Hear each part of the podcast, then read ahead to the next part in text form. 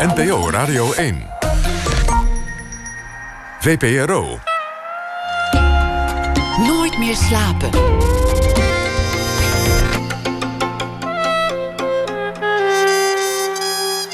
Met Floortje Smit.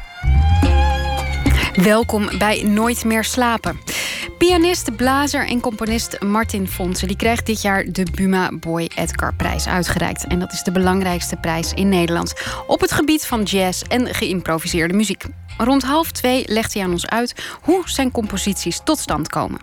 Verder Alfred Schaffer. Hij schreef voor ons een verhaal over het nieuws van de afgelopen dag. Maar eerst, het komende uur zit tegenover mij dus zo ongeveer tot een eh, uur of half twee...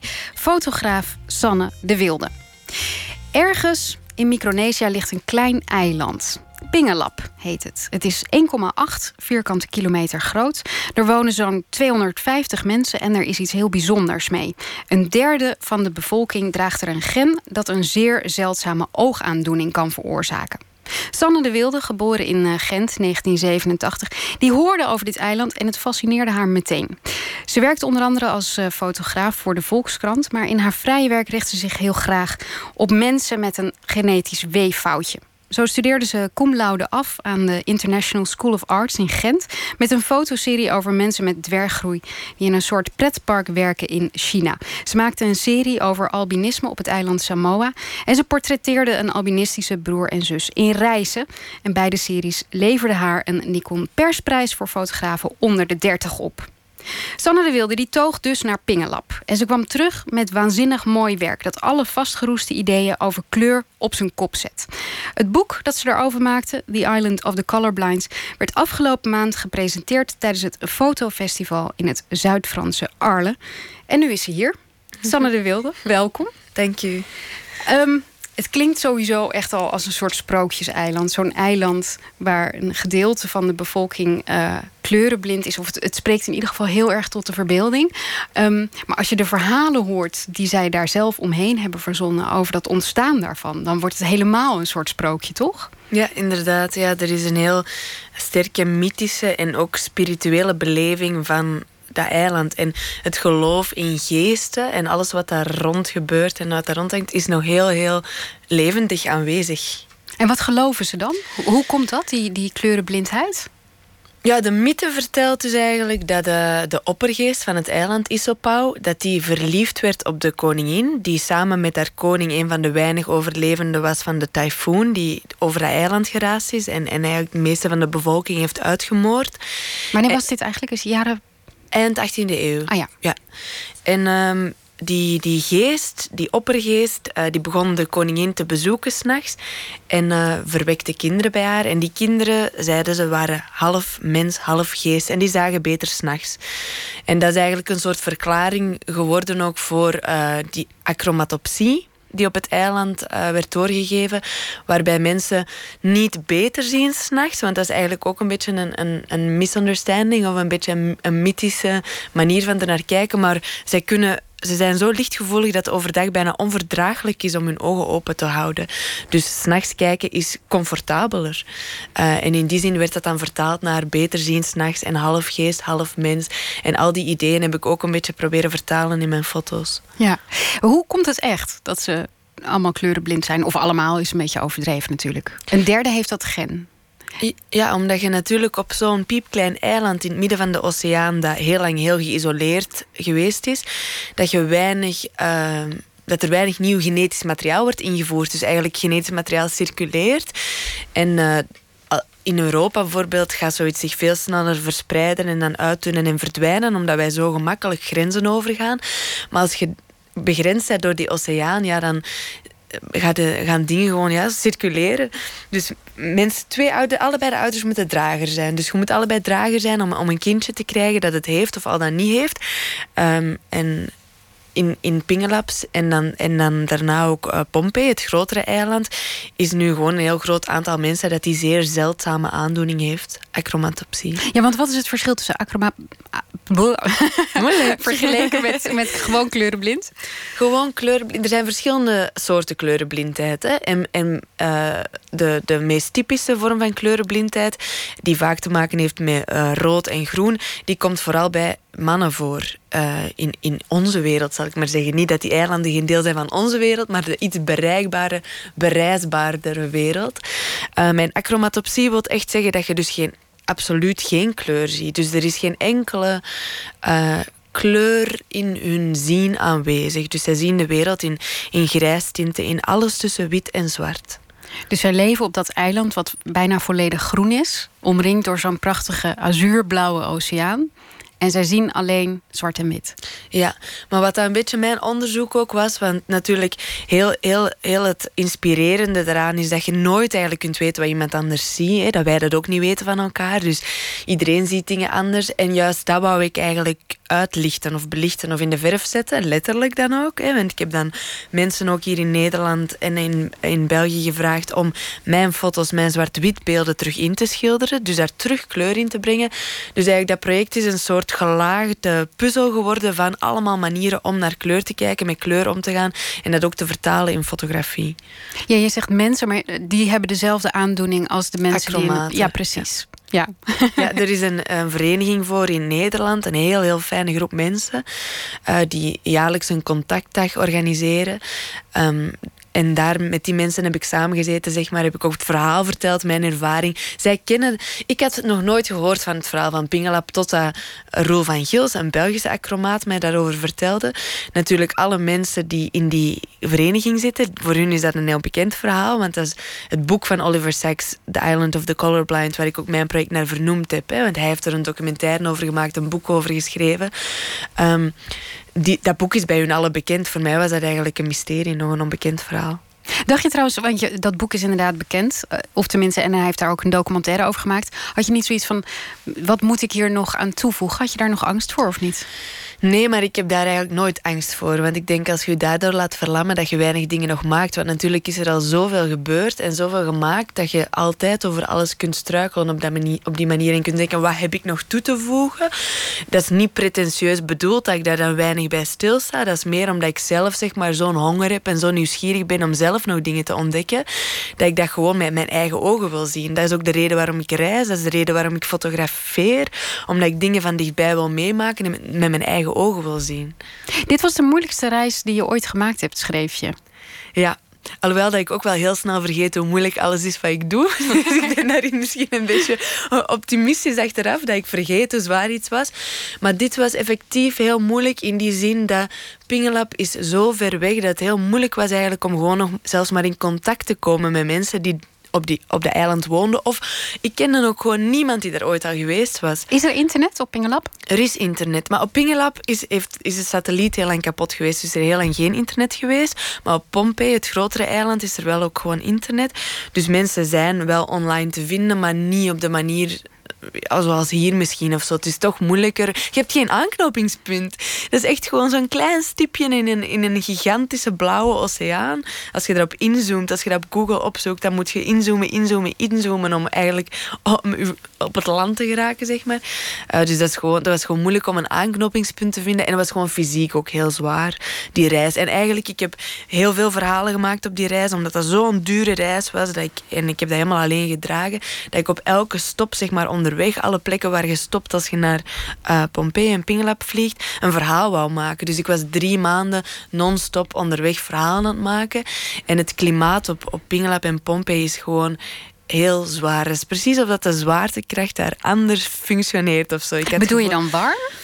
Ik bedoel dan warm. Ik bedoel ook dat er zo'n soort druk op mij ligt. Dat, je precies, uh, dat er precies iets is dat constant op je schouders drukt of zo. Je voelt echt... Ik kan dat niet uitleggen. Ik heb dat ook niet opgezocht. Ik heb er geen wetenschappelijke verklaring voor. Maar je voelt gewoon een soort andere druk op je lichaam. En natuurlijk sleur ik nog met heel veel zwaar materiaal daar. En, en van ochtends tot s avonds dat eiland rond om eigenlijk iedereen te ontmoeten. En dus dat was gewoon fysiek en mentaal een zware reis. Ook omdat ik wist van, ik kan ik kan dat niet betalen om nog eens terug te komen of zo. Ik ben hier nu één keer en uh, ja, ik wou er gewoon graag een mooi verhaal van maken. Maar het is ook wel een risico, want je gaat dus drie maanden op reis. Je betaalt ontzettend veel geld om naar dat eiland te gaan. Had je van tevoren dan al een contact? Ik had een contact, maar ik denk vooral ook bij de projecten die ik doe, zeker die, de projecten die ik helemaal zelf en alleen doe, omdat ik ook eigenlijk geen compromissen wil sluiten. Um, doe ik dat vanuit een soort ja, overtuiging of zo. Een soort geloof dat mij tot nu toe nog niet in de steek heeft gelaten. Behalve eigenlijk bij dat project in Reizen was het eigenlijk heel moeilijk. En dat is dan heel dichtbij. Dus soms weet je nooit uh, waar de struikelblokken echt liggen of zo. Maar ik denk dat ik gewoon een soort van geloof ik, hoor, ik hoorde dat verhaal van Pingelap en ik voelde gewoon van ik moet dit doen. En, en, en de weg daar naartoe was niet gemakkelijk of zo, maar die, die overtuiging of die intuïtie of zo die mij daar naartoe gebracht heeft, heeft mij wel niet in de steek gelaten. En ik heb ook effectief daar iets van kunnen maken zoals ik het een beetje gedroomd had of zo. Al had ik op voorhand niet een idee, want ik wil net heel graag ook verrast worden. En daarom vind ik het ook heel belangrijk en fijn om met mensen samen te werken en hun input ook weer te verwerken in mijn projecten. Dat probeer ik altijd een beetje, omdat je dan ook weer ja, omdat het gewoon belangrijk is om natuurlijk de mensen waar je mee samenwerkt, die je fotografeert, ook aan het woord te laten. Al is dat dan aan het woord laten in beeld. Um, maar om zelf ook verrast te worden, om niet alles onder controle te hebben, om op het einde van de rit, zeg maar, iets te zien dat je eigenlijk zelf toch niet helemaal had kunnen bedenken, maar dat toch uit je eigen hoofd eigenlijk geboren wordt. Maar je zit, je zit in, dat, in dat vliegtuig, dat allerlaatste, een piepklein vliegtuigje dat jou naar, naar die plek brengt. Mm Bereid je je dan voor op de eerste indruk die je achterlaat bij de mensen met wie je dan wel contact hebt? Of denk je daarover na of helemaal niet? Over de, ik, ik, denk meer zo na, denk ik, over wat je misschien steelt of zo van mensen, of wat je meeneemt, wat je meeneemt als je terug vertrekt. En in die zin was dit project ook zwaar, omdat ik neem eigenlijk niet graag afscheid en ik doe dat eigenlijk ook nooit. Ik zeg meestal gewoon tot de volgende keer, ook al weet ik niet wanneer ik terugkom. Maar bij deze plek wist ik wel dat het misschien wel eens echt lang kon duren voordat ik er terug ging geraken. Dus in die zin was dat afscheid ook zwaarder. En het gewicht misschien ook inderdaad van wat laat je achter of wat neemt je mee. Omdat ik zelf alles moest bekostigen, kon ik heel weinig van materiële middelen meenemen of zo. Terwijl je natuurlijk naar een plek gaat die zo ver weg is dat mensen daar best weinig hebben en dat alles wat geïmporteerd wordt is ongelooflijk duur en, en er is gewoon weinig. Dus op die manier kom je eigenlijk wel met lege handen aan op een plek waarvan dat mensen dan denken, ja maar je bent toch helemaal tot hier geraakt. Dat die dan niet meer kunnen meenemen om ons te helpen. En dat vond ik ook heel zwaar. Een beetje die teleurstelling van uh, dat blank, blond meisje dat dan helemaal vanuit het westen komt en eigenlijk heel weinig uh, praktisch of materieel kan bijdragen aan de situatie daar. Dus dat hoop ik ook dat ik daar in de toekomst nog wel iets mee kan doen. Dat door dit project naar buiten te brengen, dat er mensen zijn die denken: ik wil ook helpen. En, en, en uh, dat die effectief op, op een andere manier nog kunnen helpen als wat ik kon. Um, en dat ik dan op die manier kan teruggaan en wel meer iets kan teruggeven volgende keer als ik er ben. Want zonnebrillen zou al helpen, geloof ik, hè? Zonnebrillen. En, en de mensen hier bijvoorbeeld hebben zo uh, getinte lenzen, donkere lenzen, die wel toestaan om uh, overdag het licht te verdragen en gewoon te kunnen kijken. En dat soort dingen, daar kunnen ze eigenlijk alleen nog maar van dromen natuurlijk. Maar goed, je komt, je komt dus aan op Pingelap. Je staat eigenlijk al 1-0 achter, want blond en westers en je hebt niks bij je. Hmm. Hoe win je dan toch die mensen voor je? zoals je iedereen zijn hart een beetje voor u moet winnen in het leven. Uh, door uzelf denk ik ook kwetsbaar op te stellen en door u open te stellen en door benieuwd te zijn en, en door te willen leren en, en, mensen te willen ontmoeten. En uh, ja, dat is misschien ook iets dat ik dan als vanzelfsprekend veel heb gezien of zo, omdat dat ook in alle dingen die ik heb gedaan altijd als vanzelf is gegaan. Maar je verbindt je met mensen of zo en zo krijg je uh, wint je mensen hun vertrouwen en, en krijg je mensen zover om ook hun, om je toe te laten in hun leven eigenlijk. Maar praktisch dan, want je, je leefde echt bij een familie, toch? Ja, dus ik ben bij een familie terechtgekomen en dat was echt een fantastische familie, de Roberts. En het hoofd van de familie, Roddy Robert, uh, die, die werkte zelf met de visual impaired, dus met mensen die uh, problemen hadden met zicht ook. Uh, dus die wist er ook heel veel van of zo. Dus dat was eigenlijk de perfecte gids. Um, die kende iedereen op het eiland, dus die heeft samen met mij heel de stamboom uitgetekend van iedereen die ik graag wou ontmoeten. En in die zin heb ik heel veel geluk gehad dat ik daar terechtgekomen ben via een vrouw waar ik mee in contact gekomen ben online die perfect begreep wat ik zocht. Maar dat was pas denk ik een week of twee weken voordat ik vertrok. Dus daarvoor dacht ik, ik heb geen idee waar ik naartoe ga. Maar uiteindelijk is het allemaal helemaal in zijn plooi gevallen. En, en hebben zij ook een, een, een feest gegeven, een, een varken geslacht. De eerste keer eigenlijk ooit dat ik een dier echt heb zien sterven voor mijn neus. Um, maar dat ze eigenlijk willen vieren en mij echt ook deel van de familie hebben verklaard en mij echt welkom heten. En dat is zo'n prachtige ervaring geweest. Je woonde echt in dat huis. Je sliep daar. In... Ik, ik, ik was gelijk de prinses op het enige bed, want iedereen slaapt daar op de vloer. Dus ze hebben mij echt zo, uh, ja, zo, zo, met zoveel liefde eigenlijk ontvangen. Hoe lang heb je daar eigenlijk gezeten? Iets minder dan een maand. Ah ja. Ja. Ik heb het, uh, het boek hier voor me liggen. Het is, echt een, het is ook een, echt een beetje een sprookjesachtig boek geworden. Um, het, het, het, is, het, alles is anders. Alles is anders dan hoe je denkt dat het eruit ziet. Je hebt een eiland uh, waarbij de palmbomen roze zijn, bijvoorbeeld. Uh, je hebt de lucht die is uh, knaloranje. En je zei het al, ik wilde heel erg gaan onderzoeken hoe, die, hoe het nou zit met kleur. Waar, hoe, hoe heb je dit gedaan met die ik heb in drie, drie soorten beelden gemaakt. Dus ik heb in zwart-wit gefotografeerd. Iets wat ik al niet meer gedaan had sinds ik 16 was en in de donkere kamer bij ons op zolder foto's stond te ontwikkelen. Um, en ik heb dan in infrarood gefotografeerd. Dus ik heb een Nikon-camera, een body, uh, laten ombouwen tot infrarood. Waardoor het dus op een andere manier terug licht leest en, en, en een totaal ander palet van kleuren weergeeft.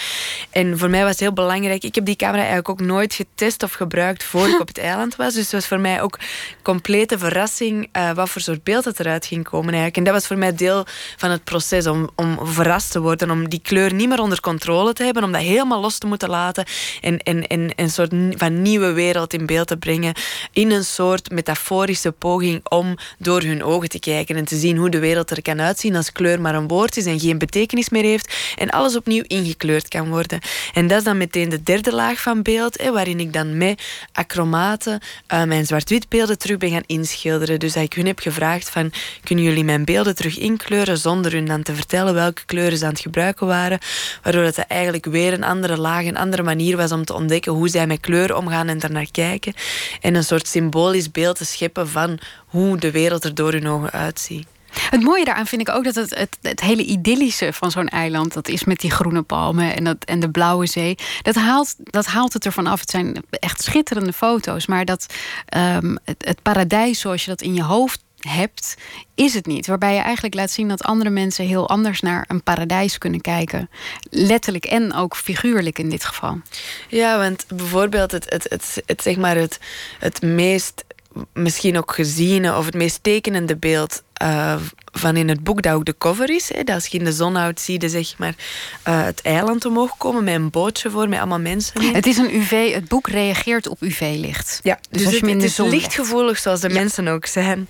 En um, dat, dat beeld van zeg maar, dat bootje met dat heel idyllische eiland voor in, in deze, in, op, op deze manier dan met inderdaad roze bomen en, en uh, blauwe lucht.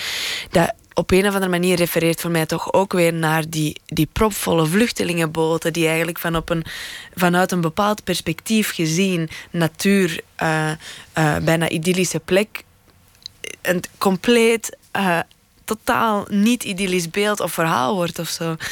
En in die zin inderdaad is het de bedoeling om op zoveel mogelijk manieren in beelden met kleur mensen te triggeren om daarover na te denken en om daar op een andere manier naar te kijken. Had je vooraf van een heel idee in je hoofd hiervan? Nee, je zei net niet. Um, ik heb meestal over dingen niet een heel idee in mijn hoofd. Ik zoek bijvoorbeeld ook nooit iemand op. Als ik iemand ga fotograferen, dan ga ik niet op voorhand kijken hoe ziet hij eruit. Dan denk ik gewoon, ik kom ergens aan en die persoon zal mij ook zoeken, dus we gaan elkaar vinden. um, maar ik had dus niet een beeld en, en dat gaat ook niet, want die plaatsen zijn soms zo ver weg en je hebt geen idee waar je naartoe gaat, dus je, kunt, je moet je laten verrassen eigenlijk. Maar ik wist wel ongeveer wat ik ging doen, omdat ik had gedacht van hoe kan ik op een, op een boeiende manier eigenlijk dat concept van kleuren een beetje doen kantelen. Je zei net, ik heb uh, het uh, zwart-wit gefotografeerd voor het laatste in onze doka. Jouw vader was uh, persfotograaf, hè? Ja, dat klopt. Jouw broer en zus zijn ook allebei gaan fotograferen. Mm -hmm. Is het daarmee dan logisch dat jij dat ook bent gaan doen? Of eigenlijk juist helemaal niet? Ik denk in eerste instantie juist niet, omdat ik net dacht, ik ga toch niet doen wat mijn papa deed.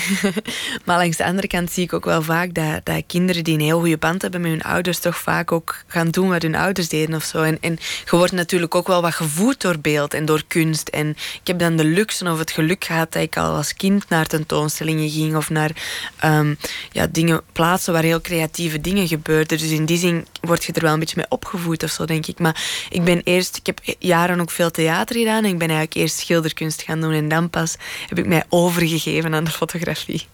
Is dat, want eh, ik, ik zat daarover na te denken. Ehm, ik dacht misschien is het ook omdat je bij fotografie je veel meer tot een, een ander mens moet verhouden dan bij schilderkunst. Dat is veel meer ehm, iets wat je individueel doet. Maar met fotografie moet je echt een relatie aangaan met, je, met degene die je fotografeert. Is dat hetgene waardoor je er uiteindelijk toch voor bent gevallen? Zeker. Voor mij is het echt belangrijk ook om dicht bij mensen te komen. En ehm, dat heb je natuurlijk met fotografie. Je moet je echt ergens, je moet die open deur binnenstappen.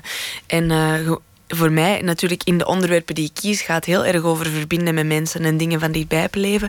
En ook over ja, in de wereld staan en, en, en de wereld zien. En ik had toch het gevoel dat, ook al zijn er natuurlijk manieren om u met schilderkunst en theater wel ook op die manier in, in de wereld te zetten, dat fotografie daar voor mij de beste manier voor was. Om de, beste, ja, de, manier die het beste past zeg maar, bij hoe ik leef en hoe ik kijk. En zo is dat een beetje gegroeid eigenlijk. Want in het begin was het voor mij helemaal niet duidelijk, omdat verschillende aspecten van het creatieproces in theater en in schilderkunst boeide mij ook enorm, omdat je veel meer vanuit een soort idee, abstract idee vanuit jezelf werkt en veel minder van de realiteit, wat ik nu wel doe. Ik werk nu van iets bestaand en ik maak daar mijn vertaling van. Mijn impressie, mijn, mijn beeld. Want jullie, als je dan zo'n gezin bent van fotografen, je hebt dus heel veel gezien, dus je bent eh, visueel heel erg getraind. Um, hebben jullie het ook over echt het vak zelf, over hoe je je inderdaad verhoudt tot, tot mensen, wat voor relaties je met ze aan moet gaan? Hmm, kijk, de andere kant van het verhaal misschien is dan dat mijn mama, die werkt in de sociale sector, die werkt met vluchtelingen, die werkt voor het OCMW in België. En mijn ouders hebben elkaar ook leren kennen toen ze maatschappelijk werk studeerden. Dus die context is er ook wel wel van hoe gaat je met mensen om, hoe staat je in de wereld, hoe verhoud je tot ook maatschappelijke dingen. Dus ik denk dat daarin alles een beetje samenkomt, zo die combinatie. Wat vond je, want je bent uiteindelijk zelf ook voor de krant gaan werken. Wat vond je vader daarvan? Vindt hij dat leuk? Um, die heeft mij wel een beetje gewaarschuwd, denk ik. Ik herinner mij niet meer zo echt uh, zijn reactie, omdat ik denk dat hij gewoon enthousiast was voor alle kansen die ik grijp of alle dingen die ik doe of zo. En mij daarin wilt ondersteunen, no matter what. Um, maar ik heb, ben zeker wel misschien daarom extra kritisch ook tegenover hoe dat er met fotografie wordt omgegaan door de media en hoe dat er naar dingen gekeken wordt. Omdat ik natuurlijk wel toch een, een, een gewaarschuwd vrouw is er ook twee waard. Ja, waar, waar, waar waarschuwde niet voor dan? Um, ik denk een beetje voor de hardheid ook wel soms van, van dat wereldje. En, en voor zo ja, ik denk, mijn papa was een van de laatste vaste fotografen met onder vast contract in België. Um, dus heel die, die, die verschuiving naar freelance werken en eigenlijk Freelance heeft veel te maken met ook wel een beetje de honger van veel mensen nu om heel veel dingen te doen en veel te experimenteren en ook vrij te zijn om dat te doen. Langs de andere kant, de schaduwzijde daarvan is toch ook wel dat bedrijven en, en instituties steeds minder voor hun mensen gaan zorgen en steeds minder verantwoordelijkheid nemen voor hun mensen.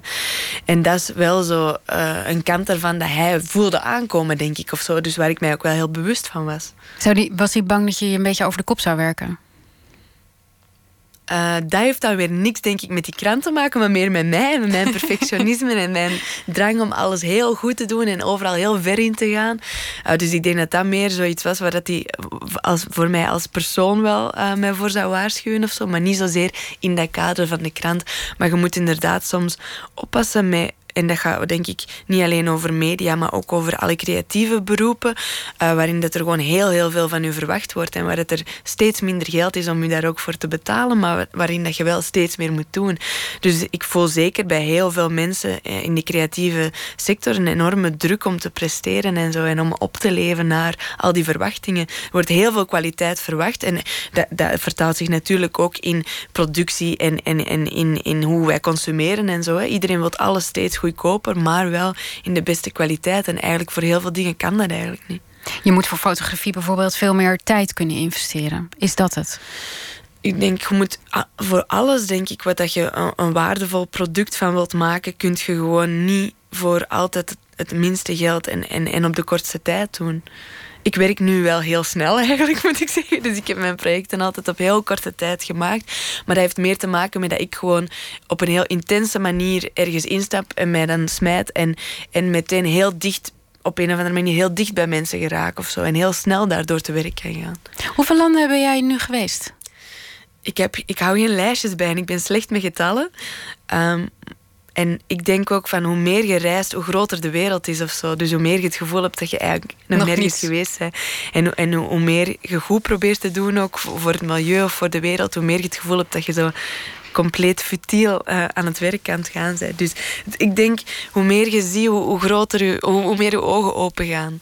Hoeveel dagen ben je thuis geweest, laat ik het zo zeggen? Is dat, ben, je, ben je een paar dagen thuis in een maand? Of...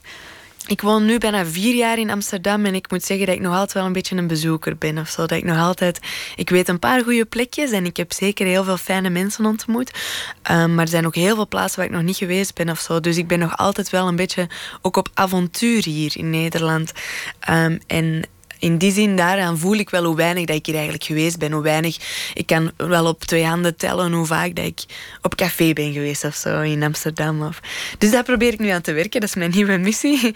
Om uh, een beetje meer te zien van de stad waar ik woon. Maar misschien vind je dat ook wel juist heel prettig dat je um, nog niet helemaal gewend bent. Dat je dat toch nodig hebt. Zeker, ik geniet er heel erg van om ergens thuis te komen waar alles nog een beetje onbekend is en toch een tikkeltje exotisch. Ja. We gaan uh, strakjes uh, na het nieuws gaan we verder praten met uh, Sanne de Wilde. Dan hoort u ook een gesprek met Martin Fonse, pianist, blazer, componist en winnaar van de Boy Edgar Prijs 2017. En Alfred Schaffer die leest een verhaal voor dat hij schreef bij het nieuws van de afgelopen dag. Dat en meer straks na het nieuws van 1 uur.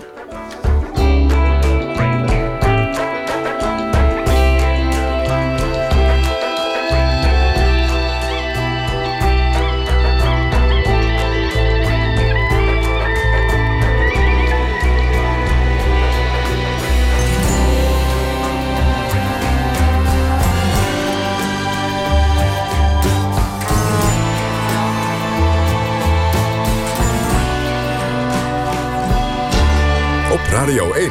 Het nieuws van alle kanten.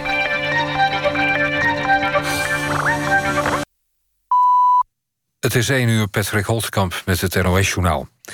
Het conflict tussen Noord-Korea en de Verenigde Staten... leidt tot grote zorgen bij beleggers. Wereldwijd verdampte deze week bijna 1000 miljard dollar aan beurswaarde. De afgelopen week was op de Amerikaanse beurzen de slechtste week sinds maart. Ook de Amsterdamse beurs noteerde opnieuw een verlies, voor de derde dag op rij. De AEX verloor 1,3 procent. Ook in Londen en Parijs ging ruim een procent af. Op de beurs in Frankfurt bleef de schade beperkt. Daphne Schippers is opnieuw wereldkampioen op de 200 meter. In Londen liep ze de afstand in 22 seconden en 500ste. Drie sneller dan Marie-José Talou uit Ivoorkust, die zilver won. Shawnee Miller van de Bahama's pakte het brons. Schippers pakte de wereldtitel twee jaar geleden... ook al op de WK-atletiek in Peking. Nog meer Nederlands succes. Eerder afgelopen avond haalde Nadine Visser... als eerste Nederlandse atlete ooit de WK-finale van de 100 meter horde. Informateur Zalm hoopt zijn klus voor oktober af te ronden. Als het aan hem ligt, sluiten VVD, CDA, D66 en ChristenUnie volgende maand een regeerakkoord. De partijen zitten sinds deze week weer met hem aan de onderhandelingstafel.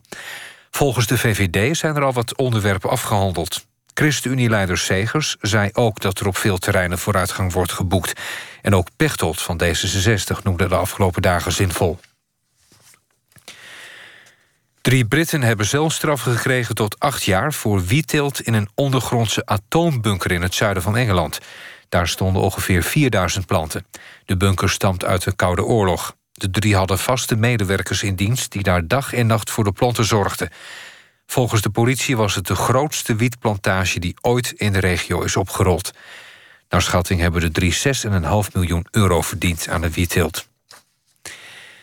Het weer. In de loop van de nacht vanuit het westen regen. Overdag druilerig, maar later vanuit het westen opklaringen... bij een graad of 19.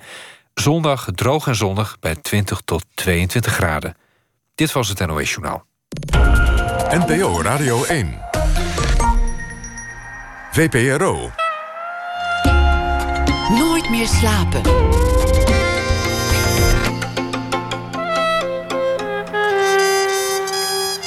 Met Floortje Smit.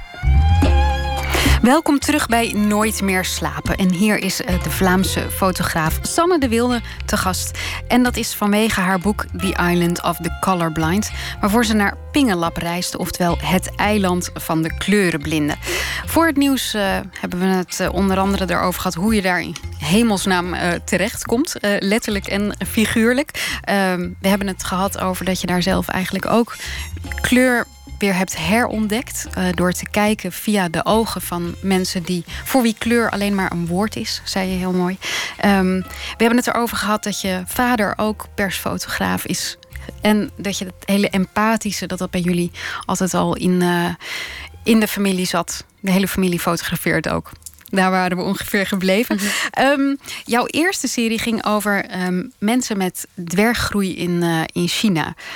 Hoe kwam je daarop? Hoe kwam je daar terecht? Ik heb een foto gezien online over twee mensen die aan het poseren waren met een kleine mens. Um, en in dat beeld, zeg maar, dat beeld was gemaakt in de Dwarf Empire, dus in het, in het pretpark in het zuiden van China. In dat beeld sprak voor mij gewoon al heel die een beetje verwrongen verhouding, waarin fotografie ook een heel belangrijke rol speelt. En, en, en tussen van hoe positioneert je u tussen naast iemand die kleiner is en, en wanneer wordt iemand een fotoobject en heel dat voyeuristische en zo. En dat was eigenlijk uh, genoeg voor mij om te denken, ja, ik, ik wil daar iets over maken, ik wil dat verhaal vertellen. Um, in die zin, dat is ook een heel specifiek verhaal. Dus je kunt inderdaad ook wel een, een soort genetische lijn trekken tussen mijn projecten. Maar The Dwarf Empire is wel echt, echt een specifiek verhaal over voyeurisme eigenlijk, over een mensen zo in, in zijn, in zijn oeroude vorm. Uh, en, en hoe dat die nog gepresenteerd wordt in nu, de moderne tijd, maar in China. Van het verhaal eigenlijk van een grote man die die plek opricht voor zogezegde kleine mensen maar eigenlijk is weinig op hun maat gemaakt. Ja, maar je ging erheen met, met een soort idee van: oh, dit is afschuwelijk? Um, ik ging erheen, ik denk zoals altijd, met zo weinig mogelijk uh, voorgekookte ideeën. Um, maar natuurlijk is dat een beetje afschrikwekkend hè, als onderwerp. Want je ziet gewoon wel meteen, zonder er geweest te zijn, ook dat dat een heel dubieus gegeven is en een, een heel complex, complexe plek. Um, en ik moet zeggen dat hoe meer je erover nadenkt en hoe meer je van die plek ziet, hoe minder dat je weet wat je ervan moet denken. Want het wordt eigenlijk alleen maar gelaagder en, en, en uh, moeilijker om, om de juiste nuance te vinden. Het is ook ontzettend lastig om te fotograferen. En volgens mij is dat ook een soort uh, uh, lijn die, omdat je, wat je net al zei, dat, die genetische defecten een beetje opzoekt. Um, het is heel moeilijk om, om dat ook niet aapjes kijken te maken, toch? Nee, je maakt er natuurlijk deel van uit door het te fotograferen. Dat is natuurlijk heel het, het dubbelen ook aan je eigen positie als fotograaf, die je sowieso inneemt vanaf dat je je eigenlijk een beetje achter een camera verschuilt en iemand anders in beeld gaat brengen. Maar. Um, ja, voor mij is dat toch een, een heel groot deel ervan is toch een bepaald idee vertalen of zo. En in die zin gaat de Dwarf Empire voor mij zeker niet specifiek over dwerggroei of over kleine mensen of over iemand die anders is, maar veel meer over hoe kijken wij naar mensen die anders zijn en hoe dwingen wij die in een bepaald kader en hoe brengen wij die in beeld. En, en, en om dat verhaal te vertellen moest ik er ook wel zelf deel aannemen. En, en dat was ook wel het boeiende van hoe gaat je er dan zelf mee om en hoe vind je daar je plek in of zo, zonder dat je het gevoel hebt dat je niks, niks anders doet als wat iedereen anders doet. En, en inderdaad een soort aapjes kijken was sowieso... Het gevaar is er natuurlijk als je naar andere mensen kijkt en iets in beeld brengt buiten jezelf. Uh, maar daarom was het heel belangrijk dat dat, plek, uh, dat, die, dat dat project ook weer een andere wending kreeg door het feit dat toen ik daar aankwam, bleek dat ik zelf ook tot fotoobject gemaakt werd. En dat zij mij eigenlijk begonnen te fotograferen. En dat werd essentieel deel van het project. Ja, want dat, dat is uh, grappig. Want jij bent natuurlijk zelf. Je gaat ook de hele tijd een soort uh, gemeenschap in. waarbij jij zelf altijd de meest, onop, de meest opvallende bent. Je bent blond, je bent lang. Is dat, is dat bewust dat je dat opzoekt? Zeker niet, want je wilt eigenlijk het contrast net verkleinen in plaats van vergroten. Um, maar ja, je ziet eruit hoe dat je eruit ziet. En dat is exact ook zo voor hun. En, um, en in die zin is natuurlijk op, op een heel stereotype manier is het contrast tussen, tussen ons of tussen ik en dan de mensen die ik fotografeer vaak groot. Maar ik voel dat niet zo. Gevoelsmatig ervaar ik dat niet zo. Dus ik voel mij zeker niet in contrast staan met hun. Integendeel, ik probeer die afstand te verkleinen en, en, en, en, en begrip te vergroten. Nou, het grappige is, eh, dat project, is, is het trouwens dat project in China geweest waardoor je je realiseerde dat je niet fly on the wall wilde zijn? Het kon niet, kon niet. in China. Maar sowieso heb ik nooit, denk ik, zo'n idee gehad over documentaire fotografie dat je echt de werkelijkheid kunt vertalen of zo. Of ik ben wel in het begin heel erg begonnen eerst met portretten. Ik, ik denk ook dat het Dwarf Empire een van de eerste keren is dat ik echt een soort reportage, documentaire-achtige beelden maakte, omdat het onderwerp daarom vroeg, zeg maar. Omdat ik een beetje moest proberen schetsen hoe het er daaraan toe ging. Dus ik kon mij niet louter beperken tot portretten maken. Dat was te eenzijdig, dat was te krap als beeld, als kader. Um, uh, maar ik heb mij nooit echt gezien als iemand die eigenlijk de realiteit in beeld brengt per se of zo. Ik, ik denk dat ik um, bestaande onderwerpen en situaties opzoek en daar dan probeer mijn impressie van weer te geven. Ja, is het. Um, maakt het niet heel moeilijk als je, als je onderdeel uit gaat maken van zo'n zo'n maatschappij om er dan nog uit te staan om, om daar dan nog foto's van te maken. dat maakt het heel moeilijk, hè, want je voelt je ook constant schuldig. maar uh, ik zie voor mezelf geen andere manier. Hè. Dus ik denk, geobjectiveerd sowieso de mensen die je fotografeert en wat je doet. Omdat je, er zit een soort, je camera functioneert soms ook bijna als een soort wapen of zo. Dat is iets wat tussen jezelf en die andere persoon in zit. En tegelijkertijd is dat net wat de brug maakt en de verbinding maakt. Uh, dus dat is een heel dubbel gegeven aan fotografie. Waar dat je dan uh, naast en voorbij die lens en dat fotograferen ook probeert mee om te gaan en een verhaal van te maken eigenlijk. Ja, je hebt in het, in het boek uh, wat je nu gemaakt hebt, The Island of the Colorblinds, je bent altijd op zoek naar een soort een soort verwantschap. Hier maak je het heel letterlijk. Hè? Je laat echt letterlijk door andermans ogen wil je laten kijken. Er zit ook een, een installatie bij uh, die je hebt gemaakt uh, voor documentaire festivals. Ja, dat is eigenlijk een belang, echt een belangrijk stuk van het uh, project voor mij. Um, niet alleen omdat ik graag verrast wil worden in vorm en dus ook op een nieuwe manier, in, in met nieuwe media of op een nieuwe ja, installatieachtige manier elke keer mezelf wil heruitvinden om zelf verrast te blijven door wat ik doe. Maar vooral inderdaad omdat die installatie vergroot enorm het empathisch aspect van dat verhaal vertellen.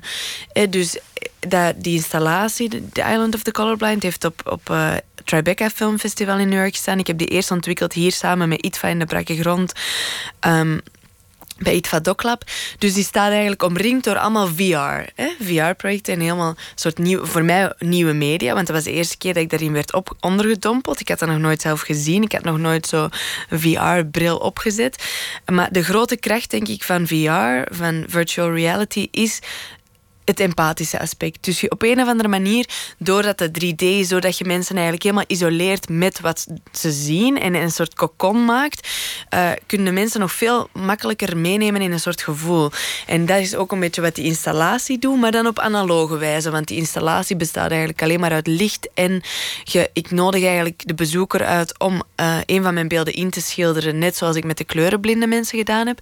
En ondertussen speelt zich een soort geluid- en lichtsequentie af die u meeneemt in het verhaal van het eiland. En die constant u eigenlijk een beetje in de, in de war brengt of zo. Of uw controle over kleur wegneemt. Dus je schildert, maar je kunt eigenlijk nooit de echte kleuren zien. Niet van de beelden rond u. Zij omringd door mijn foto's in het groot. En ook niet van wat je schildert. En pas als je uit die ruimte stapt, nadat je eigenlijk ook een beetje door die audio dan het verhaal hebt meegekregen, kunt je zien wat je effectief geschilderd hebt en welke kleuren je gebruikt hebt. Dus dat is een heel visuele, maar ook interactieve ervaringsgerichte manier om mensen daarin mee te nemen. Het is een heel interessant proces, hè? Dat, dat laten inkleuren door, uh, uh, door de kleurblinden zelf. Omdat ze eigenlijk altijd geleerd hebben dat dat fout is, dat het verkeerd is wat ze doen. Ja, in die zin is dat vaak wel, eh, stellen zij zich ook kwetsbaar op door daaraan deel te nemen. En is dat soms best een intieme ervaring, omdat dat inderdaad ook vaak verwijst naar hun eerste ervaringen als kind. Of de eerste situaties waarin dat voor hun duidelijk wordt dat ze dus dingen af allee, anders zien en dat dat vaak wordt afgekeurd. dus dat inderdaad kinderen tekenen en schilderen en dat op een bepaald moment ontdekken dat mensen tegen hun zeggen dat ze de verkeerde kleuren gebruiken voor iets. En dat is exact het tegenovergestelde van wat ik wou teweeg brengen. Ik wou hen eigenlijk terug de vrijheid geven om kleur te gebruiken zoals zij kleur gebruiken, zoals zij kleur zien. Um, en die diversiteit van het zien uh, omarmen. Ik vind het heel grappig, want je hebt, je hebt in een aantal uh, uh, projecten zoek je bijna een soort samenwerking met je, met je onderwerpen. Je zoekt het hier met, uh, met deze kleurenblinden, die je echt laat participeren aan het project. Je deed het ook volgens mij in, in China. want daar heb je um, de mensen met dwerggroei gevraagd of zij een foto wilden ontwerpen zoals zij zichzelf graag zien. Waarom is het zo belangrijk dat zij daaraan meedoen voor jou? Ja, juist om heel die complexe uh, verhouding die je hebt met je onderwerp als fotograaf, waarin dat je inderdaad als een soort buitenstaander, een soort binnenwereld wilt betreden en die dan ook begint vorm te geven en daar dan in het beste geval voor mij dan deel van begint uit te maken. Kijk, als, de manier waarop ik mensen ontmoet en reis en, en dat gaat van elke conversatie tot elk project dat ik doe, kan ik niet zomaar half of zo, of kan ik niet zonder mij ja, daar to commit to it of zo. Dus, en en, en uh, deels voor zo ook verrast te zijn en dingen op een nieuwe manier zelf te kunnen zien. Wat ik dan heel belangrijk vind. Van waar, waarom wilt je graag um, situaties onderzoeken? Ook omdat je natuurlijk een beetje zelf um, dingen op een, op, op een nieuwe manier wilt zien eigenlijk. En dat kan dan letterlijk door mensen deel te laten nemen aan de vormgeving van dat verhaal. Het is grappig, want ik heb het idee dat, dat heel veel fotografen liever toch een soort. dat er toch een soort afstand moet zijn tussen, uh, tussen fotograaf en gefotografeerde. En ik heb het idee dat jij dat heel erg juist probeert te slechten de hele tijd. Ja, ik, ik, ik, heb dat graag dat ik niet weet waar ik naartoe ga. En mijn leven is ook een beetje zo dat ik niet op voorhand weet hoe dingen eruit gaan zien en dat ik ook eigenlijk geen uh, vast idee heb van wat ik ga maken of van hoe mijn toekomst eruit ziet. Bijvoorbeeld, je kunt dat een beetje doortrekken in alles. Dus dat heeft veel te maken, denk ik, met hoe ik in het leven sta. Maar um, ik verlies net graag die controle. En ik, ik, ver, ik verklein het graag inderdaad, die afstand tussen mij en de mensen waar ik mee samenwerk, of de mensen waar ik naar kijk, of de mensen die ik fotografeer, of de mensen waar ik mee spreek of mee praat. Jij denkt dus, wat jij zei, ik, ik, denk niet na over mijn leven. Jij denkt dat je volgend, of over, laten we zeggen, over tien jaar gewoon iets heel anders zou kunnen doen. Dat zou kunnen, ja. En in die zin denk ik, voel ik mij, dat geeft mij een soort vrijheid of zo. Kijk, ik, fotografie heeft zich ontwikkeld tot de beste manier zijn voor mij om nu eh, met leven om te gaan, naar de wereld te kijken en, en dat in beeld te brengen. Maar er zijn heel veel andere dingen waar ik ook van hou en waar ik nu geen tijd voor heb. Dus. Ja, we moeten e-, eventjes eh, naar de muziek. We gaan eh, naar Nassau Rising Sun. Ze komen uit Brooklyn, New York. Het is een duo en het zijn dromerige volkliedjes.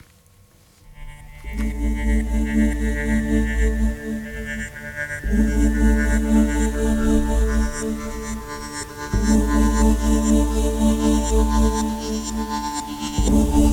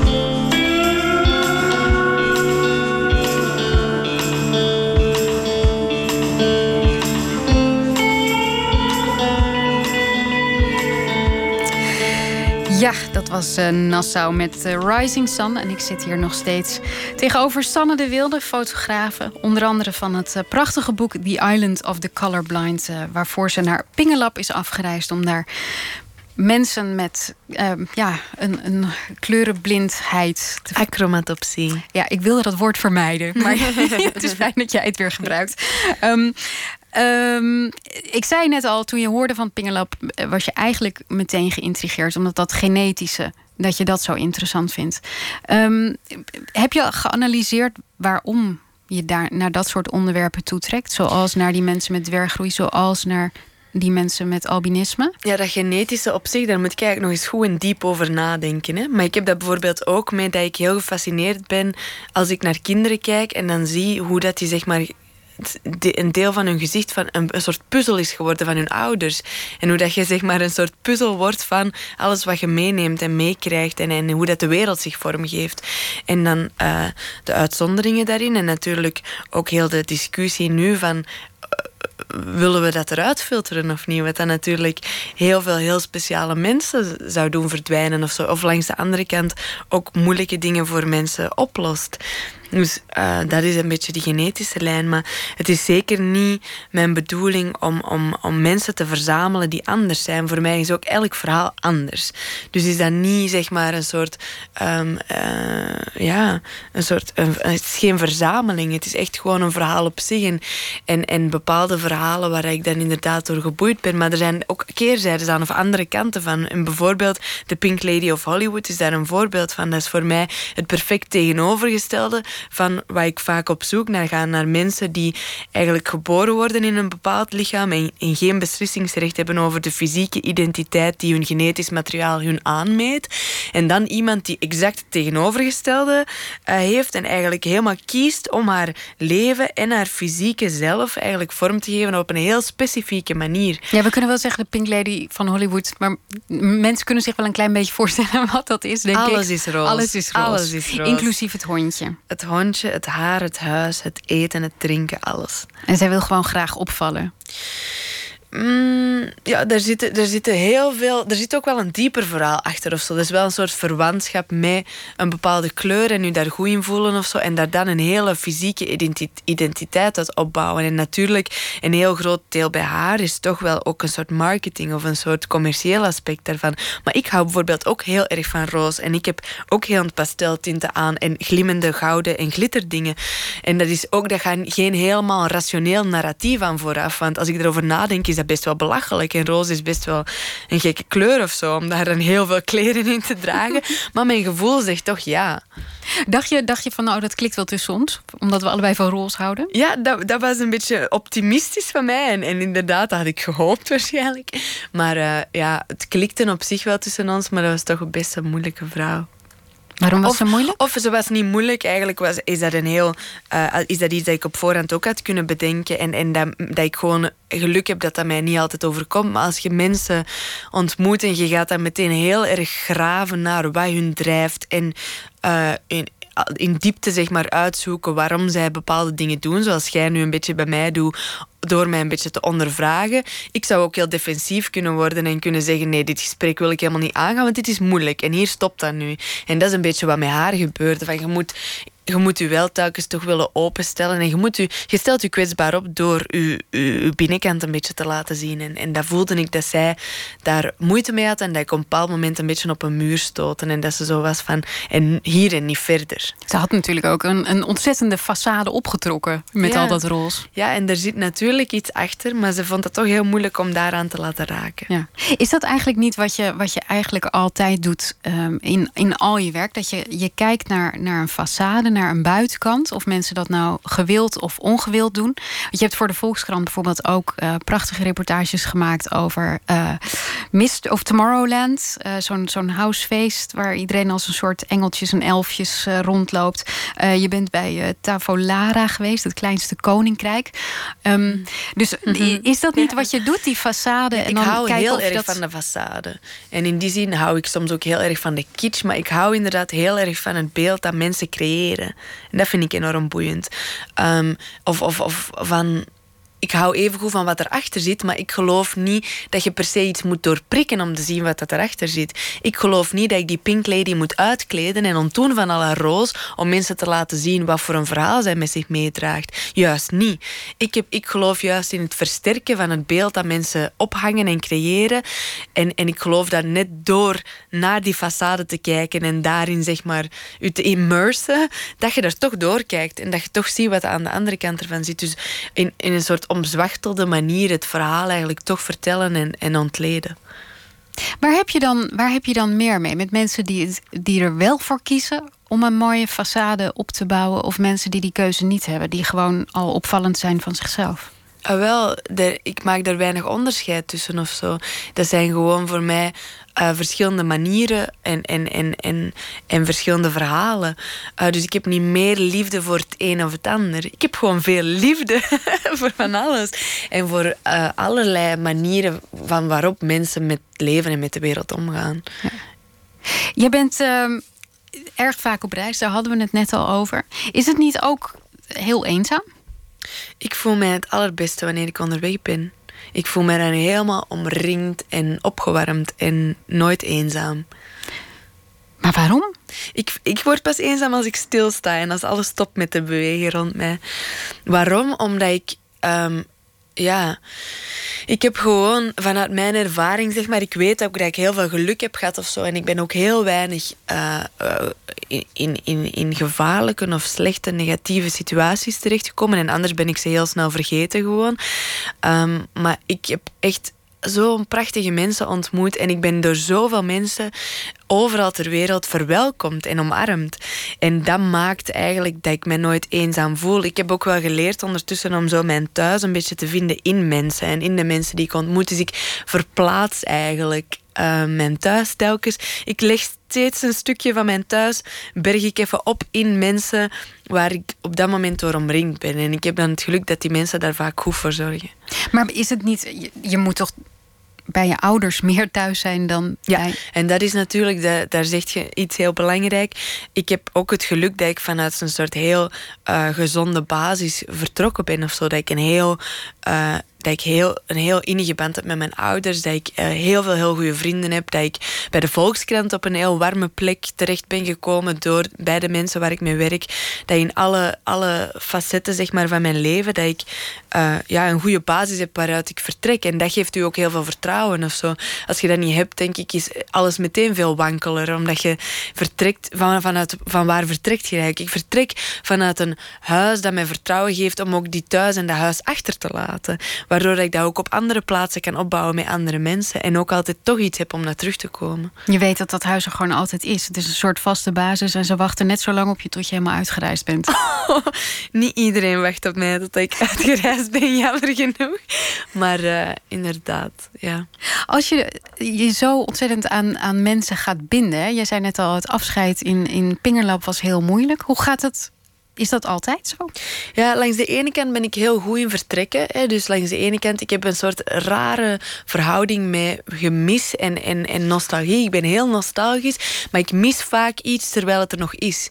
Dus ik kan mensen heel erg missen terwijl ze nog naast mij zitten. Maar eens als ik weg ben, ben ik weg. En dan moet ik terug vooruit kijken en dan heb ik terug de wind in mijn haar en dan ben ik dat snel vergeten. Ik vergeet mensen niet, maar ik, dat gemis achtervolgt mij niet zo vaak. Maar ik kan wel met heel veel nostalgie terugdenken ook aan dingen en terug willen en verlangen. Ehm, ja. Ik vind het toch heel interessant, want je bent. Nee, ah, ja?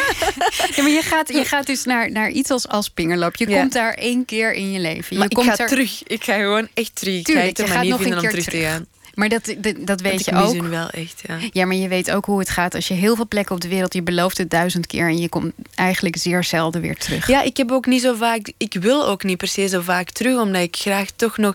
omdat ik zo, toch die onstilbare drang heb om nieuwe dingen te zien... en andere plaatsen te zien en gewoon zo benieuwd blijf. Um, maar langs de andere kant zijn er toch bepaalde mensen en plaatsen... waar je echt naar terug wilt. Maar hecht je je niet te veel aan, aan mensen als fotografen?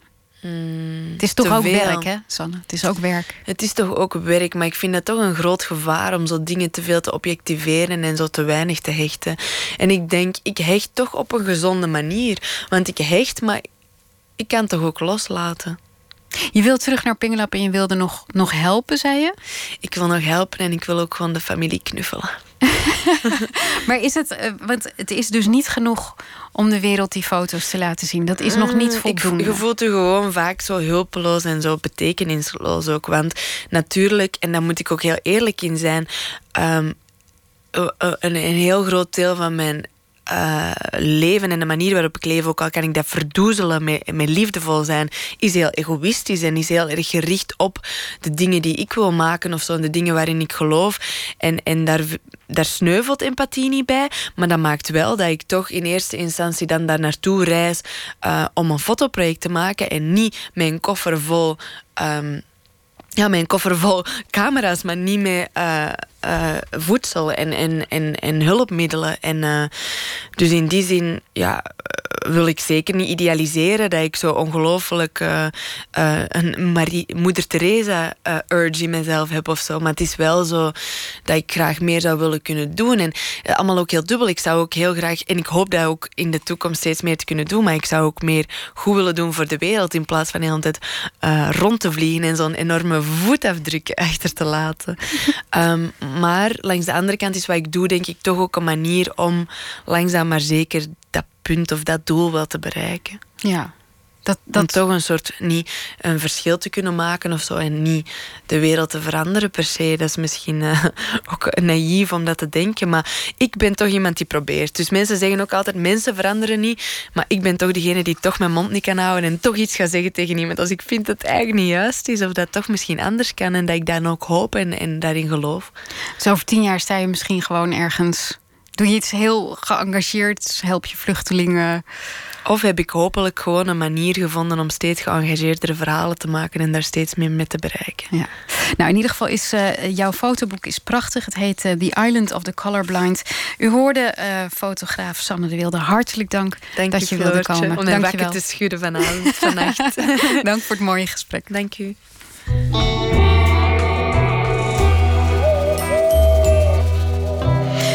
Erna Franklin is de zus van Aretha Franklin, uiteraard. In 1967 eh, had ze een hit met de ballad Piece of My Heart. Dit is de B-kant van die single Baby, What You Want Me To Do.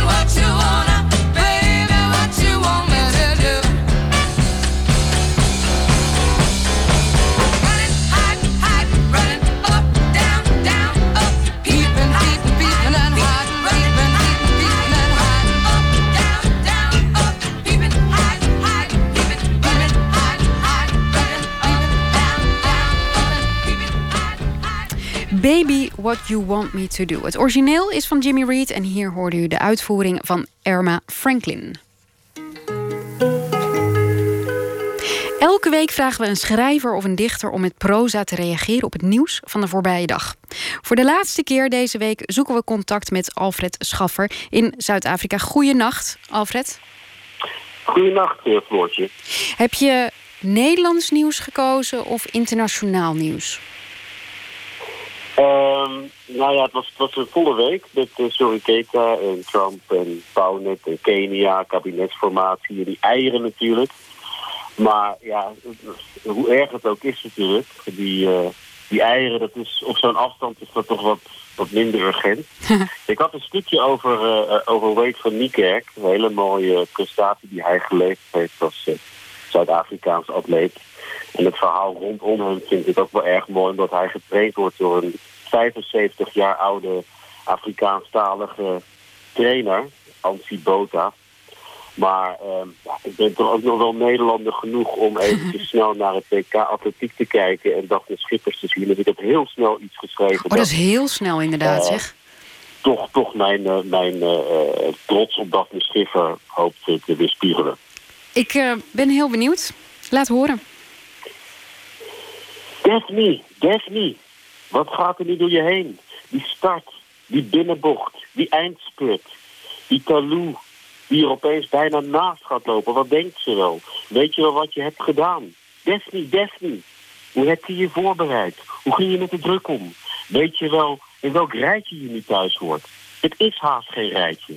Weet je wel wat er allemaal naar je vernoemd wordt? Snelwegen, bruggen, straten, pleinen, meisjes. Weet je wel dat Nederland de adem inhield met je meerende? In Tilburg, in Nieuwegein.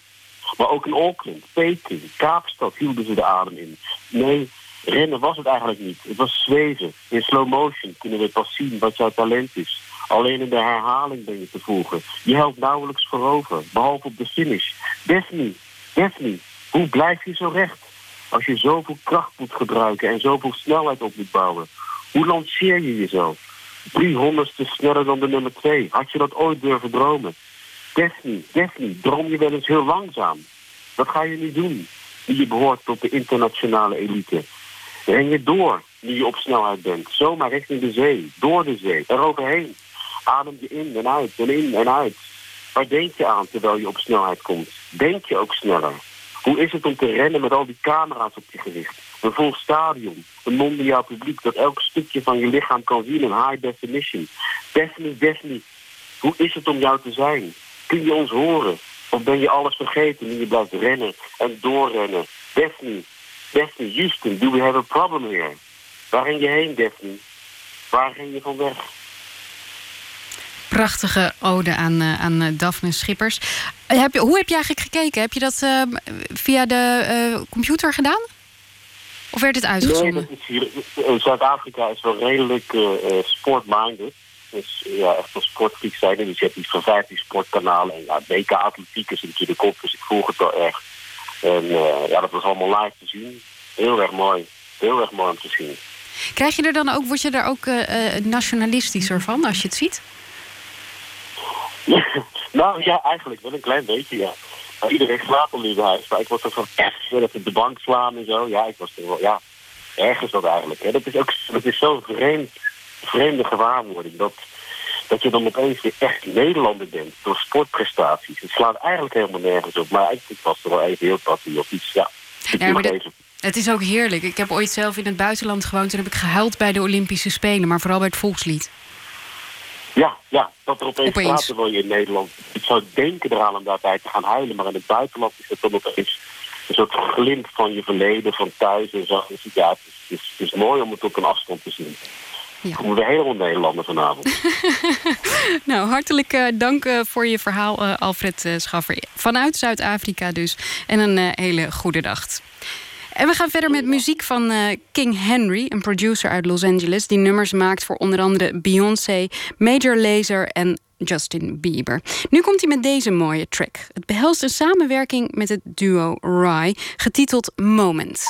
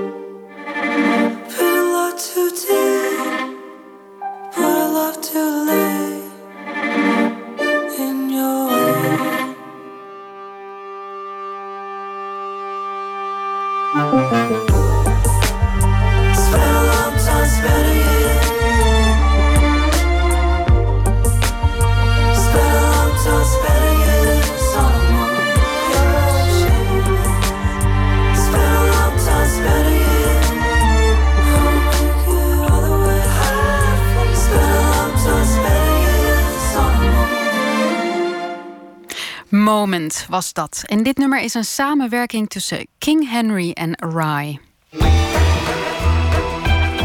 Nooit meer slapen. Poëtisch, invoelend en delicaat. De jury van de Boy Edgar Prijs is lovend over de composities van Martin Fonsen. Hij ontvangt dit jaar de belangrijkste Nederlandse jazzprijs voor zijn veelzijdige carrière als pianist, arrangeur, orkestleider en als motivator van jong talent. Maar wat inspireert Martin Fonsen zelf? Jan Paul de Bond die zocht hem dit voorjaar op. Het is een beetje de day after. De bekendmaking van die prijs was natuurlijk afgelopen vrijdag. Maar nu is de eerste werkdag. Dus het is nog een beetje, nog een beetje aan het eh, installeren om, een, uh, om weer in een soort schrijfmodus te komen. Als je, als je dat geduld hebt, dan mag je rond me heen lopen. Maar dan uh, ga ik dat een beetje doen. Martin Fonsen werkt in een prachtig oud pand aan de Amsterdamse gracht... met van die zware houten balken tegen een laag plafond. Naast de Fender Rhodes piano staan twee beeldschermen. De moderne componist werkt niet meer zonder software. Maar Martin probeert dat te beperken. Ik heb het idee dat als ik met een potlood werk en ik schrijf... dat die rondere bewegingen van het uh, schrijven... misschien is het romantisch, maar ik heb het idee dat het voor mij wel zo werkt...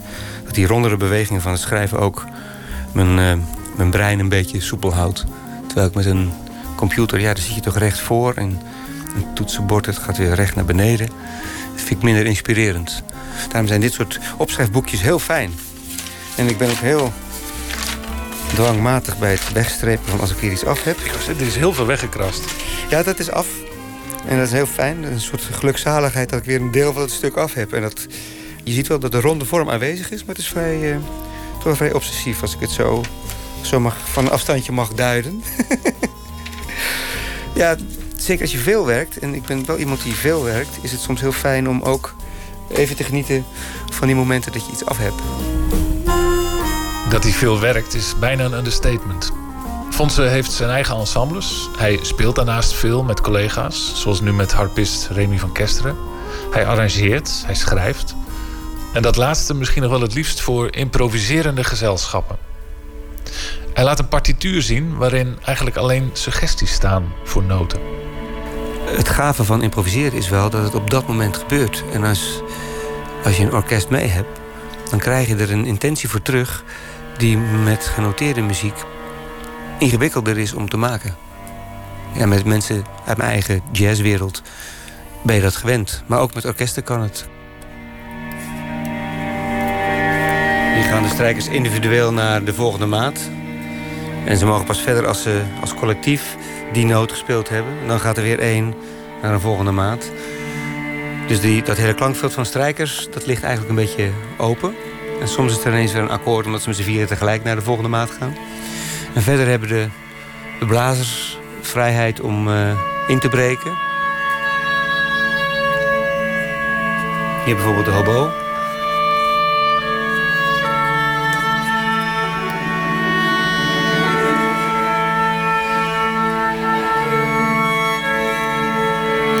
De hobo heeft alleen maar toonhoogtes, deze partij hier.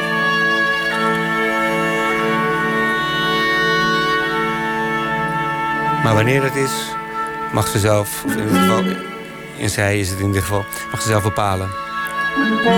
En die inslagen van de blazers die komen ook op het moment dat zij dat willen. Dus zij hebben vrij beperkte partijen. Maar de hobo die mag met die noten die ze heeft zelf weten wanneer en wat ze doet. Nou, de strijkers gaan nu weer met z'n allen naar de volgende maat. Ook daar heb ik geen invloed op. Maar dat is toch waanzinnig spannend als je dat zelf voor het eerst hoort. Of voor de tweede keer ook nog. Ja, voor de tweede keer ook. Het is namelijk nooit hetzelfde. Kijk, er zijn zoveel mensen die nu individueel een keuze mogen maken. Dat kun je niet uh, verzinnen. En soms mislukt het ook wel, of is het minder geslaagd. Maar vaak de spanning van dat keuzemoment is zo uh, bepalend dat er altijd iets uitkomt wat lading heeft. Martin is in zekere zin gezegend met veel werk in opdracht. Maar soms dringt zich ineens een andere aanleiding op om te gaan schrijven. Een tijd geleden kreeg een goede vriend van hem, een collega-muzikant, plotseling een hartaanval. Hij wilde niet zoveel contact. En het was best een kritieke, kritieke situatie. En toen heb ik hem een paar kaarten opgestuurd. En ik zei, ja, ik, ik wil graag een suite voor je schrijven. Die heet eh, Game of Hearts. Maar ik wil het ook weer niet te veel opdringen. Maar als jij zin hebt in een stuk of je wil dat ik iets voor je doe, dan stuur je me een kaart terug. En toen kreeg ik over een periode van een aantal maanden steeds. Om de zoveel tijd kwam er een, een, een kaart terug in de briefbus. Had hij die speelkaart bewerkt, dan stond er een tekst op, of had hij er een stuk uitgeknipt of een tekening opgemaakt. En dat inspireerde mij dan weer om een stuk uh, te maken die dag. Dus op de dag dat ik zo'n kaart kreeg, schreef ik een stuk. Maar als er inderdaad wat opgetekend of geschreven staat... dan kan ik me voorstellen dat dat inspireert. Maar, maar wat haal je anders uit een uh, schopper 6?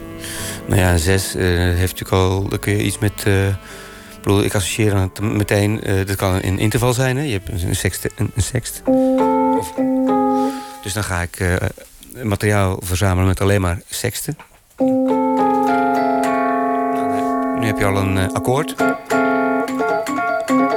heb je al een beweging. Nou, je kun je even heel snel... Dit zijn de, die zes noten. Eh, dan heb je al een themaatje. Dat zou je bijvoorbeeld kunnen doen. en uh, ja, er is altijd genoeg informatie. Het maakt ook niet zoveel uit wat je materiaal is... waardoor je geïnspireerd raakt. Er is altijd iets toevallig vanochtend nog, die stoel waar je nu op zit, is heel grappig. Ik, daar ga ik, iets, ga ik iets mee doen. Let op. Nou, toen ik erop zat, klonk die veel beter. Je moet wel goed op een stoel zitten. Ja, sorry. Anders... Nee, hij klonk echt... Ga er eens af. hij klonk echt veel beter. Hij had een wat langere systeem. Maar goed. Hij rammelde wat langer na. Hij rammelde veel langer na. Misschien is het die andere. Um, maar daar kwam wel een heel gaaf ritme uit. Wat ook een beetje deed denken aan een soort distorted uh, laagste snaar van een gitaar. Toen dacht ik, oh, ik moet wat meer huishoudelijke apparaten weer eens opnemen. Ik had, deze koelkast valt gelukkig mee, maar hiervoor had ik een koelkast die maakt zo krankzinnige herrie. Heb ik ook opgenomen en dan hoor je al die verschillende geluiden van dat aanslaan. En daar zat iets, er zat een schroefje los, dus die trilde, dat, dat trilde heel erg. Dat gaf wel een interessant ritme. Maar dan heb je ook nog die vloeistof in, binnen die motor die een soort geluid maakt. Het is een heel complex geluid. En ja, dat zou je bijna orkestraal kunnen uitwerken. Ja, ik had hetzelfde, maar ik heb hem dus verkocht. Ik heb hem ook verkocht. ik heb nu een andere die niet zoveel lawaai maakt. maar goed, voordat ik hem verkocht had, had ik hem nog eh, als inspiratiebron gebruikt.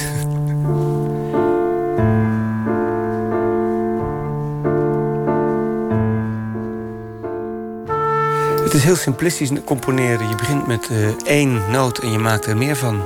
Eigenlijk heb, je, heb, ik ooit van een leraar geleerd... je hebt geloof ik maar zes elementen. Als je een beetje gezond wil blijven als componist... en niet dat dramatische Beethoven-gedoe... dat je helemaal geïnspireerd moet zijn. En, en, nee, je moet je alleen maar afvragen van hoe hard of hoe zacht... hoe snel of hoe langzaam en hoe kort of hoe lang. En soms doe ik het echt als ik vastzit... dan vraag ik me alleen maar af hoe hoog. Dat, is, dat, uh, is dat deze noot of is het die noot? Nou, het is die noot. Dan kun je weer vragen, ga je de lucht in of ga je naar beneden? Nee, dan ga ik naar beneden. Nou, hoe laag? Nou. En dan kun je nog afvragen, wordt het een lange noot? Of wordt het, of, wordt het kort? En dan kun je ook nog hard of hoe zacht. Die twee kun je ook nog afvragen. En als je dat afvraagt, dan heb je dynamiek. Dan heb je je melodie, je hebt uh, je frasering en je toonhoogtes. En dat is alles wat je nodig hebt om muziek te maken. Misschien is het die wijze raad van zijn oude docent... die hem uiteindelijk heeft gemaakt tot de omnivore muzikale geest, de verbinder... zoals het juryrapport hem nu roemt. De Boy Edgar-prijs valt trouwens samen met toch een soort contemplatief moment... in het leven van Fonsen. Ja, toch wel. Ik, die 50 was toch wel iets meer een grens dan dat ik eigenlijk van tevoren zag aankomen. En uh, toen ik dat eenmaal uh, had geaccepteerd... toen ben ik eens gaan kijken wat ik de afgelopen 25 jaar uh, allemaal gemaakt heb... wat nog niet het levenslicht heeft gezien in de vorm van een cd of een LP. En het waren er ontzettend veel. Het waren iets van 21, 22 projecten al. Een van die projecten, die toch nog een keer op plaat moet komen... is een suite die een totaal andere kant van Martin Fonsen laat zien. Greetings, music lovers. Geïnspireerd op tekenfilmmuziek uit de jaren 50. First, we will hear a waltz, written by Johann Strauss. Ja. Maar goed, dit heb ik dan pas weer gevonden ergens. Dit liedje ken je vast wel uit de Bugs Bunny.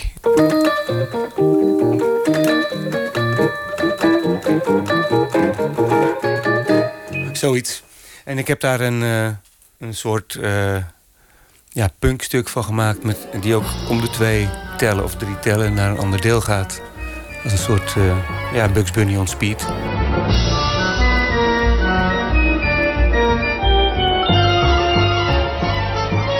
Die aantrekkingskracht van die opgefokte tekenfilmmuziek... komt dat uit jouw eigen jonge jaren? Nou ja, ik ben natuurlijk wel opgegroeid met op woensdagmiddag... Uh, Tom en Jerry of Daffy Duck. Weet je? Dus daar, daar heeft het zeker mee te maken. Alleen wat ik zo gaaf vind aan die animatiefilmmuziek... zeker die, echt die cartoons uit de jaren 50, 60...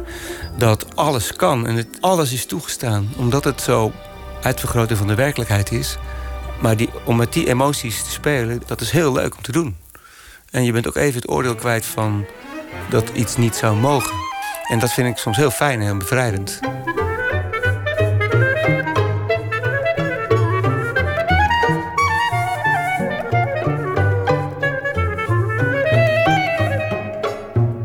Nu ben ik wel heel erg op een plek waar ik wil zijn. En ik denk dat het voor mij deze prijs ervoor zorgt dat ik met meer zelfvertrouwen nog uh, die ingeslagen weg vervolg. En dat ik vanuit die basis uh, allerlei ontmoetingen zal aangaan. Dat vind ik wel fijn. Minder met carrière maken, maar meer met ja, wat voor ontmoetingen kan ik doen, muzikaal gezien, de komende tijd. En die komen altijd op je pad. Pianist, componist en blazer Martin Fonse. Hij krijgt de Boy Edgar prijs voor jazzmuziek op 6 december uitgereikt. En u hoorde een bijdrage van Jan-Paul de Bond. De Hawaïaanse muzikant Jack Johnson komt volgende maand met een nieuw album. Zijn zevende is dat alweer. En daarvan kunnen we alvast dit nummer laten horen: Sunsets for Somebody Else.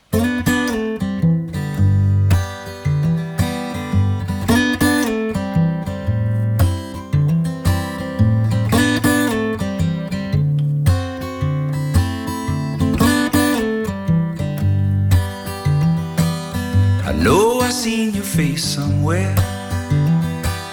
Selling something, some big idea. I know I've seen that vacant stare. Selling sunsets for somebody else. You find yourself asking yourself, what is any of it worth? You find yourself looking up at night from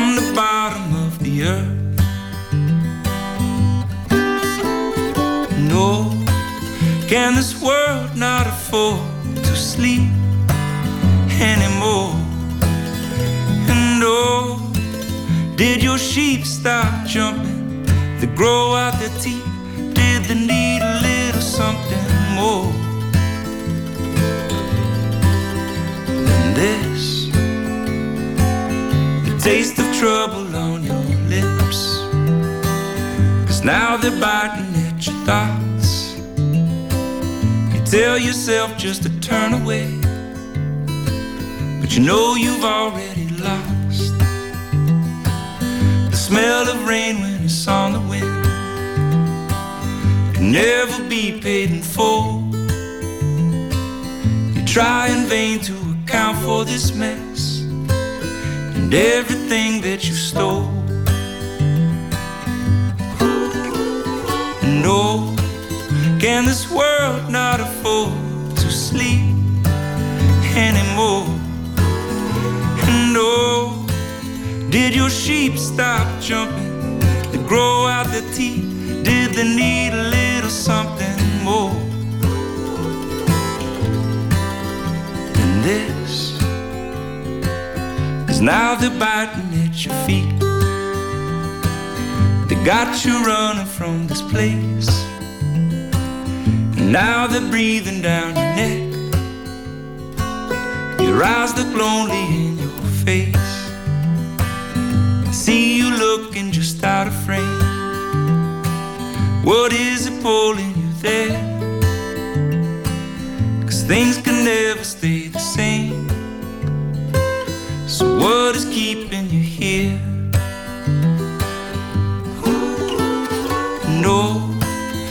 can this world not afford to sleep anymore?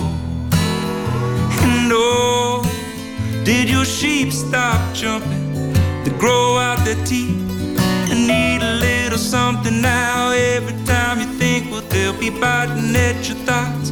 And every time you blink, well, you'll be so damn far, but you are more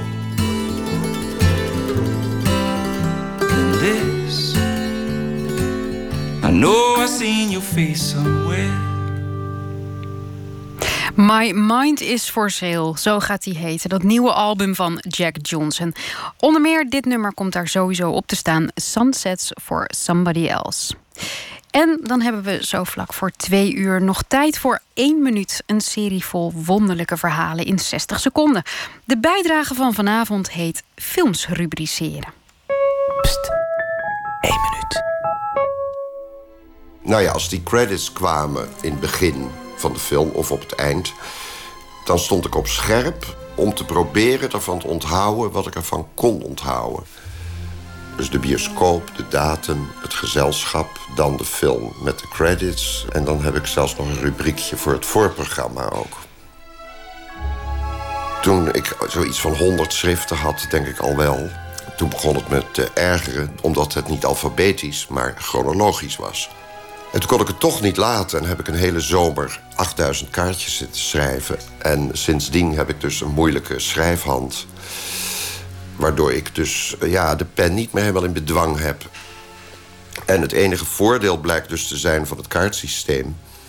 dat als ik een vriendin heb die ik een film laat zien... en die zegt, die heb ik niet gezien, dan zeg ik, ja, die heb je wel gezien. En dan zoek ik het op en dan zeg ik, nee, Fiek... in 1965 hebben we deze film in de Signac Damrak gezien... in gezelschap van Helmut Woudenberg.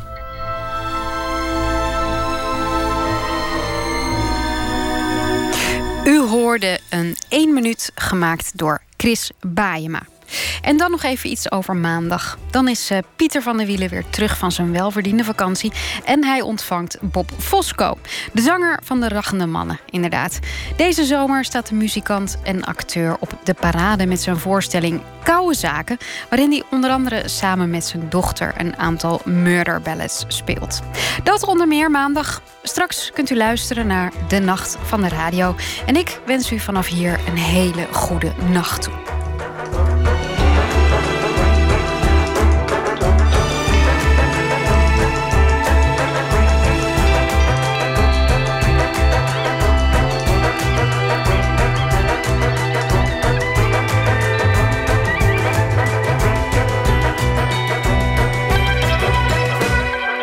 Radio 1, het nieuws van alle kanten.